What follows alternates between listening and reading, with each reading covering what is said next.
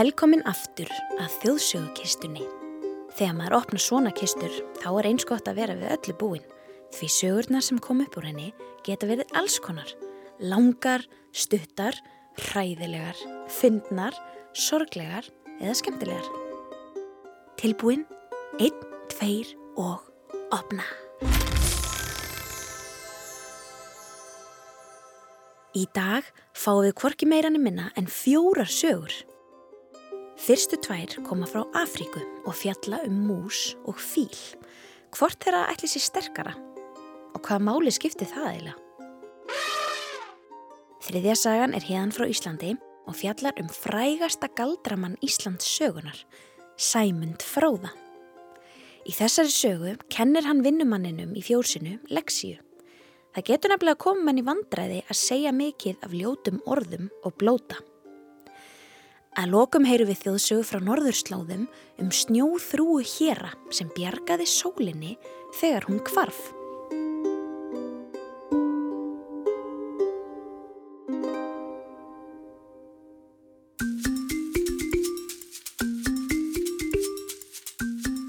Músin og fyllin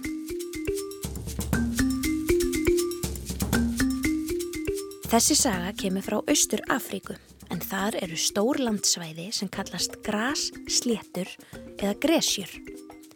Á gresjum vaksa lávaksinn tré og gras í bland. Gresjur liggja ofta millir stóra skóa og eigðimarka. Á einni svona gresju bjó mús, pínulítil en afskaplega stolt mús. Eitt daginn satt hún og maulaði ljúfengt gras strá. Hún hugsaði mikið með sjálfu sér en sagði svo upphátt við afa sinn sem maulaði líka strá rétt hjá. Ég er svo rosalega sterk. Ég held sveimi þá að ég sé sterkasta músin, tja, jafnvel sterkasta dýrið á allri gresjunni. Þú ert mjög sterk, en ég held nú samt að sterkasta dýrið á öllum sléttum þessa heims sé fýllin. Ís, ég held nú aldeilis ekki. Sagði músin unga. Leiðu mér að hitta hann svokallaða fíl og við sjáum þá hvaða dýr er raunverulega sterkast. Svo strunsaði hún af stað út úr músaþorpinu og gresjunni og út í víðáttuna. Býtu, býtu aðeins, mig grunar að það sé stormur á leiðinni. Ekki fara úr langt eða vera of lengi í burtu. Kallaði afamúsin á eftir henni en stolta músin unga var farin of langt burt. Hún heyrði ekki í honum. Mísla hóf leitina í nágrenninu, skoðaði á milli hára og lára stráa og rakst á margskonar dýr sem lágu í sólinni. Hver ert þú? spurði músin. Ég er eðla. Svaraði dýrið. þú ert sko heppin. Ef þú væri fýllin sem ég er að leita að, þá ættir þú sko ekki von á góðu. Skyndilega heyrðist þrjumu gnýr og skíin tók að rannast upp á himninum yfir höfði þeirra. Eðlan faldi sig undir trjágreinum en músin tók ekki eftir neinu og var afar stolt af sjálfur sér að hafa náð að hræða eðluna burt. Hún trítlaði áfram með bakið beint og mjög ákveðin að finna þennan fíl. Allt í einu sá hún dýr sem gnæfði yfir henni, svart og hvít á lit. Hver ert þú? Ég er sebrahestur. Saði dýrið. Já, þú ert heppin. Ef þú væri fýllin sem ég er að leita að, þá ætti þú ekki von á góður. Um leið og hún slefti orðinu, laust eldingu niður og heiminin lístist upp. Músin tók ekki eftir neinu, en sebrahesturinn ákvað að það væri best að koma sér í skjól. Það væri greinilega óveður á leiðinni. Músin held áfram ferðalagi sínu. Hún sveif næstum upp í skíjónum af ánægju. Hún var svo ókveikjandi að hinn dýrin hlupi bara í felur þegar þau hitt hana. Allir eru hrættir við mig. Stuttu síðar sá músin mjög hávaksið dýr með rosalega langan háls, tegja sig upp í hæstu greinarnar og kjamsa á löfblöðum. Hver ert þú? Ég er gírafi. Sagði dýrið. Já, þú ert heppin. ef þú væri fýllin sem ég er að leita að þá ætti þú sko ekki von á góðu. Þá fóru óveður skíin á himninum að þykna svo mikið að sólinn kvarf bak við þau. Gírafinn ákvað að koma sér í örugt skjól bak við tre. Og fleiri dýr fylgdu gírafanum í skjól. Músin glotti og hugsaði með sér Allir eru hrættir við mig. Hún skundaði áfram í leit sinni að fylnum þangað til hún rakst á risastórt dýr með tvö skott, eitt að aftan og annað að framann. Hver ert þú? Fýllin leiti kringum sig, fyrst til hægri og svo til vinstri, en gata ekki með nokkur mótið séð hver var að tala við hann. Músin unga þurfti að taka á öllu sínu og öskra upp til fylsins. Ert þú fýllin? Fýllin pýrði augun og sperti eirun. Að lokum sá hann þetta pínu litla dýr á jörðinni sem virkaði varla stærra en lítil stein vala. Hann beigði sig niður til að heyra betur.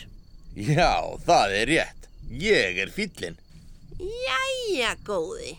Ég hef verið að leita þér. Og hvers vegna er það? Til þess að tilkynna þér að ég er sterkasta dýrið á allri gresunni. Hanna nú, ha, og hvað finnst þér um það? Það er nú það, já. sagði fýllin. Síðan beigði hann ranan sinn stóra að næsta vassbóli, fyllti hann af vatni og sprautaði á músina.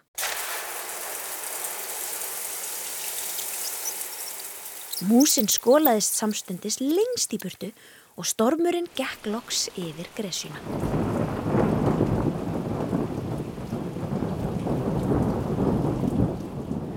Þegar hún vaknaði aftur eftir stormin var fýllin horfin á braut. Þessi fíl getur sko talið sér heppin. Ef stormurinn hefði ekki skóla honum lengst í burtu, þá hefði ég sko tekið hann í bakaríið.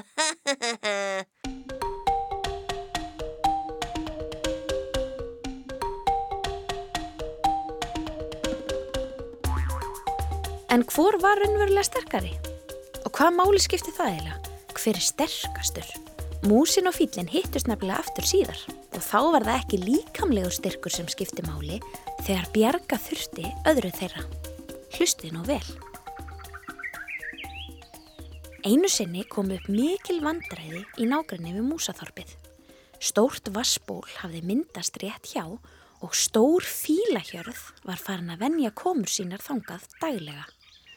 Til þess að komast af vassbólinu þrömmuðu fílarnir fram hjá músaþorpinu þannig að litlu mísnar átti fótum sínum fjöra launa ef þær vildu ekki tróðast undir stórum fótum fílana. Sumar mísnar náðu ekki að forða sér og tróðust undir fótum fílana svo mikil sorg lagðist yfir músaþorpið. Svona gekk þetta dögum og vikum saman þar til músahöfðingin ákvað að kalla fílahöfðingjan á sinn fund. Kæri fílahöfðingi, á hverjum degi eigi þið fílahjörðin leiðum þorpið okkar í áttað vassbólinu. Í hvert sinn þurfa mísnar að flýja undan risastórum fótum ykkar og sumar hverjar hafa tróðist undir þeim og dáið. Myndu þið vera svo væn að breyta leiðin ykkar og fara fram hjá þorpinu. Við lofum að hjálpa ykkur í staðin þegar þið lendið í vandraðum, svo lengi sem þið haldið ykkar lofurð. Fílahöfðingin hló og svaraði. Þið mísnar eru alltaf litlar til að geta nokkuð tíman hjálpað okkur risunum. En það skiptir ekki máli. Við skulum farað ykkar óskum og breyta leiðinni. Músahöfðingin þakkaði kærlega fyrir og fílahöfðingin snýri aftur heim.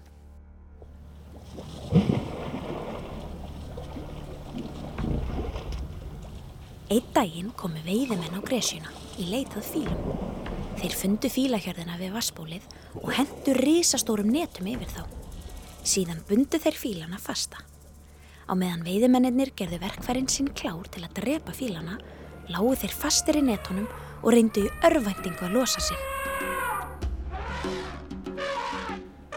Þá myndi fílahöfðingin allt í einu eftir lofurði músahöfðingjans að mísnar myndu hjálpa fílunum ef þeir yrðu einhver tíma í neyð.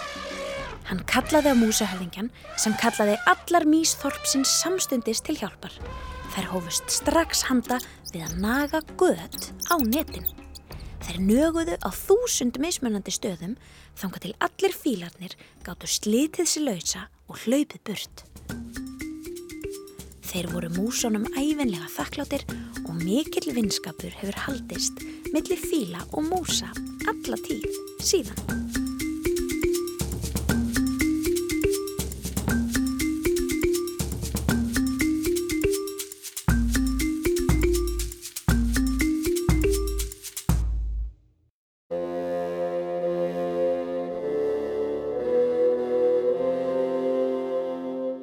Púkin og fjósamadurinn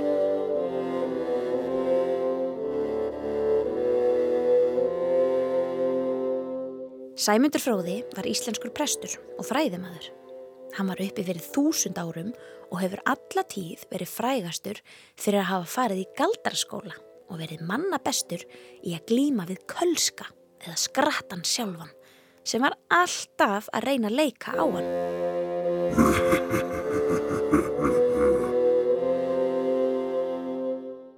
Einu sinni var Sæmundur fróði með fjósamann sem hún þótti blóta alltaf mikið. Sæmundur skammaði hann fyrir þetta og sagði að í hvert skipti sem einhver blótaði þá stækkuðu púkar kölska. Fjósamadurinn trúði því nú ekki og sagði Þá skildi ég aldrei tala neitt ljótt ef ég vissi að Kölski misti við það viðurværi sitt. Ég skal nú bráðum vita hvort þér er alvara eða ekki. Segir Sæmundur og lætur einn púka í fjósið. Fjósamanninum var illa við þennan gest, því púkin gerði honum erfitt fyrir að vinna verksinn í fjósinu, eðalaði fyrir honum og pyrraðan. Fjósamadurinn reyndi eins og hann gata stilla sig og blóta ekki fyrir framann púkan. Það tókstu vel og eftir nokkur tíma tók hann eftir því að púkin hóraðist og grendist með hverjum degi. Það var fjósamaður ánaði með og átti ekkert erfitt með að hætta blóta. Eitt morgunin, þegar hann kom út í fjósið, sá hann að allt var brotið og bramlað og kýrnar allar bundnar saman á hölunum, en þær voru margar. Snýr þá fjósamaðurinn sér að púkanum sem lá í vesöld og volaði að básnum sínum, greinlega mjög þreyttur eftir átökjum.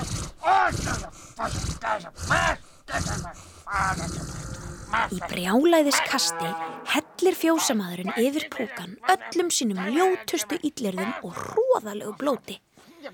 En sér til angurs og skaprunar sér hann að púkin lifnaði við og yfir hann kom púkalegt glott þegar hann fytnaði og fytnaði þar til hann varð mjög pattaralegur. Sá fjósamaðurinn nú að Sæmundur fróði hafði rétt fyrir sér og hætti að blóta og hefur aldrei talað ljótt orð síðan. Þannig tókst honum að koma púkanum í fjósinu úr sögunni.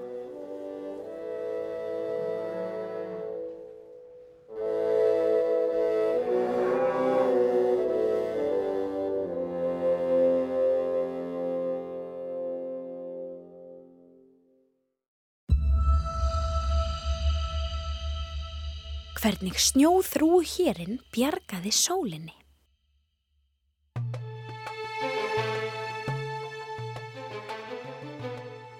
Norður heimskautið kallast reysastort svæði kringum Norðurpólinn. Það svæði er að mestu leiti sjór, Norður Íshafið, en sumlönd tilheyra svæðinu, eins og hlutar Rúslands, Alaska sem tilheyri bandaríkanum, Kanada, Grænlands, Íslands, Noregs, Svíþjóðar og Finnlands. Á þessu svæði er oft mjög kallt og þurrt, mikil víðerni, ísjakar og, tja, myrkur. Eins og við vitum snýr norðurkvelið meira frá sólinni á vetuna og þess vegna sjáum við bara til sólar í stuttan tíma yfir daginn, ef eitthvað. Á sumrin er það ymmit öfugt. Norðurkvelið snýr meira að sólinni og það er stundum eins og sólinn setist bara aldrei. Þessi saga gerist á norðurslóðum nánar tildekið við Bering Sund sem er sjórin sem skilur á milli Alaska og Rúslands. Rúslands megin er risavaksið landsvæði sem kallast Sýberia. Frumbyggjar Sýberju, Júitfólkið og frumbyggjar Alaska, Inuítarnir, eiga þessa sögu saman. En það fór fólk fram og tilbaka yfir Beringsundið og deildi menningu sinni og sögu með hvert öðru. Fyrir mörg hundruð árum síðan voru neðanjarðar hellarnir fullir af illum öndum, púkum sem stálu sólinni. Þeim var alveg sama um þau sem hýrðust ofanjarðar í kulda og myrkri. Þau sem sáu ekkert án sólargeislana. Dagur og nótt runnu saman í eitt ofanjarðar. Þar var alltaf myrkur. Dýrin á landinu, dýrin í sjónum og í loftinu söpnuðust saman og heldur stóran fund. Vitra gamla snæuglan ávarpaði fundargesti fyrst og sagði Ú, kæru vinir, án sólarinnar munu trén okkar blómin ekki blómstra í vor. Nætur dýrin mun ekki vita hvenar þau eiga að sofa og dýrin sem vaka á daginn ekki hvenar þau eiga að vinna. Við þurfum að bjarga sólinni. Hver býður sig fram? Ú, Kliður breytist út meðal fundargesta þar til hrafnin kallaði. Við ættum að senda það sterkasta meðal okkar. Allra augu beindust að byrninum. Björnin. Kölluðu öll dýrin til samþykis. Björnin hjælt því af stað í leiðangur til að bjarga sólinni. En um leið og hann varð svangur og sá berjaruna, steinglimdi hann leiðangurinnum, settist niður og kjamsaði á berjum. Margir dagar liðu, margar vikur. Dýrin áttuðu sig á því að björnin hafi glimt sólinni. Þau hittust aftur á fundi og aftur saði hrafnin Við ættum að senda það fljótasta af okkur. og allra augu beindust þá að úlfinum. Úlfurinn. Úlfurinn! Kölluðu öll dýrin til samþykkis.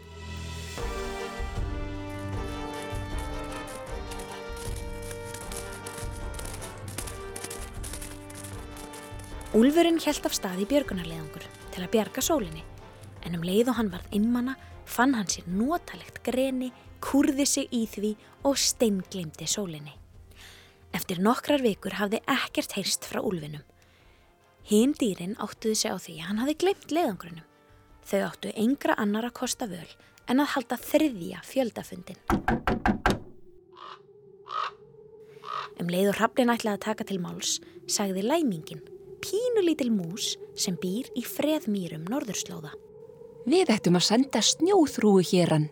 Hann sér vel að næturlagi og er ekki sjálfselskur. Takk fyrir það, Læmingi. Sagði snjóþrúur hérinn og án þess að segja nokkuð meira var hann farinn. Hann ferðaðist í marga daga yfir snæfi þaktar sléttur og há dimm fjöll.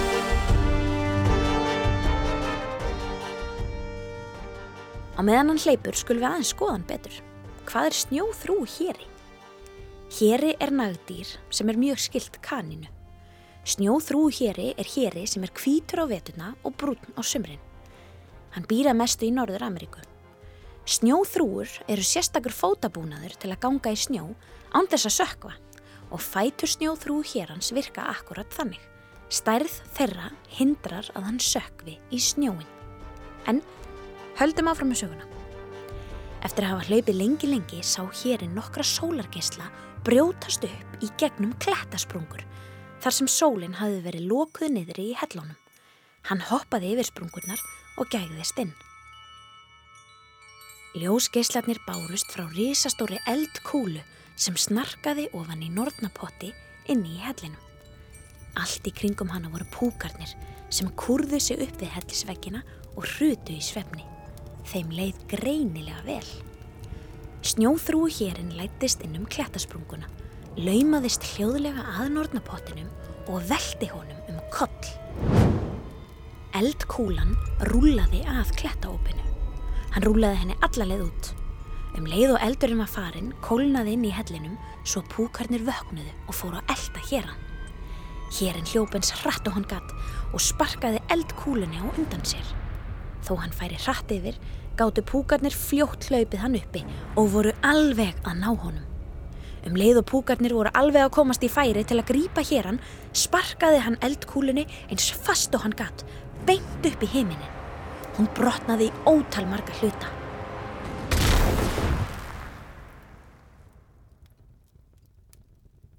Stærsti hlutin varð aftur að sólinni, næst stærsti bitin að tunglinu og allir hinir litlu hlutarnir urðu að stjörnum í vetrarbrautinni. Nýja sólinn skein bjartar en nokkru sinni fyrr og sendi púkana aftur lengst honni í hellin sinn og hafa þeir aldrei komið upp á yfirborðið aftur. Vorið kom og öll dýrin fögnuðu snjóþrúu héranum sem hafði með hugrekki sínu bjargað sólinni.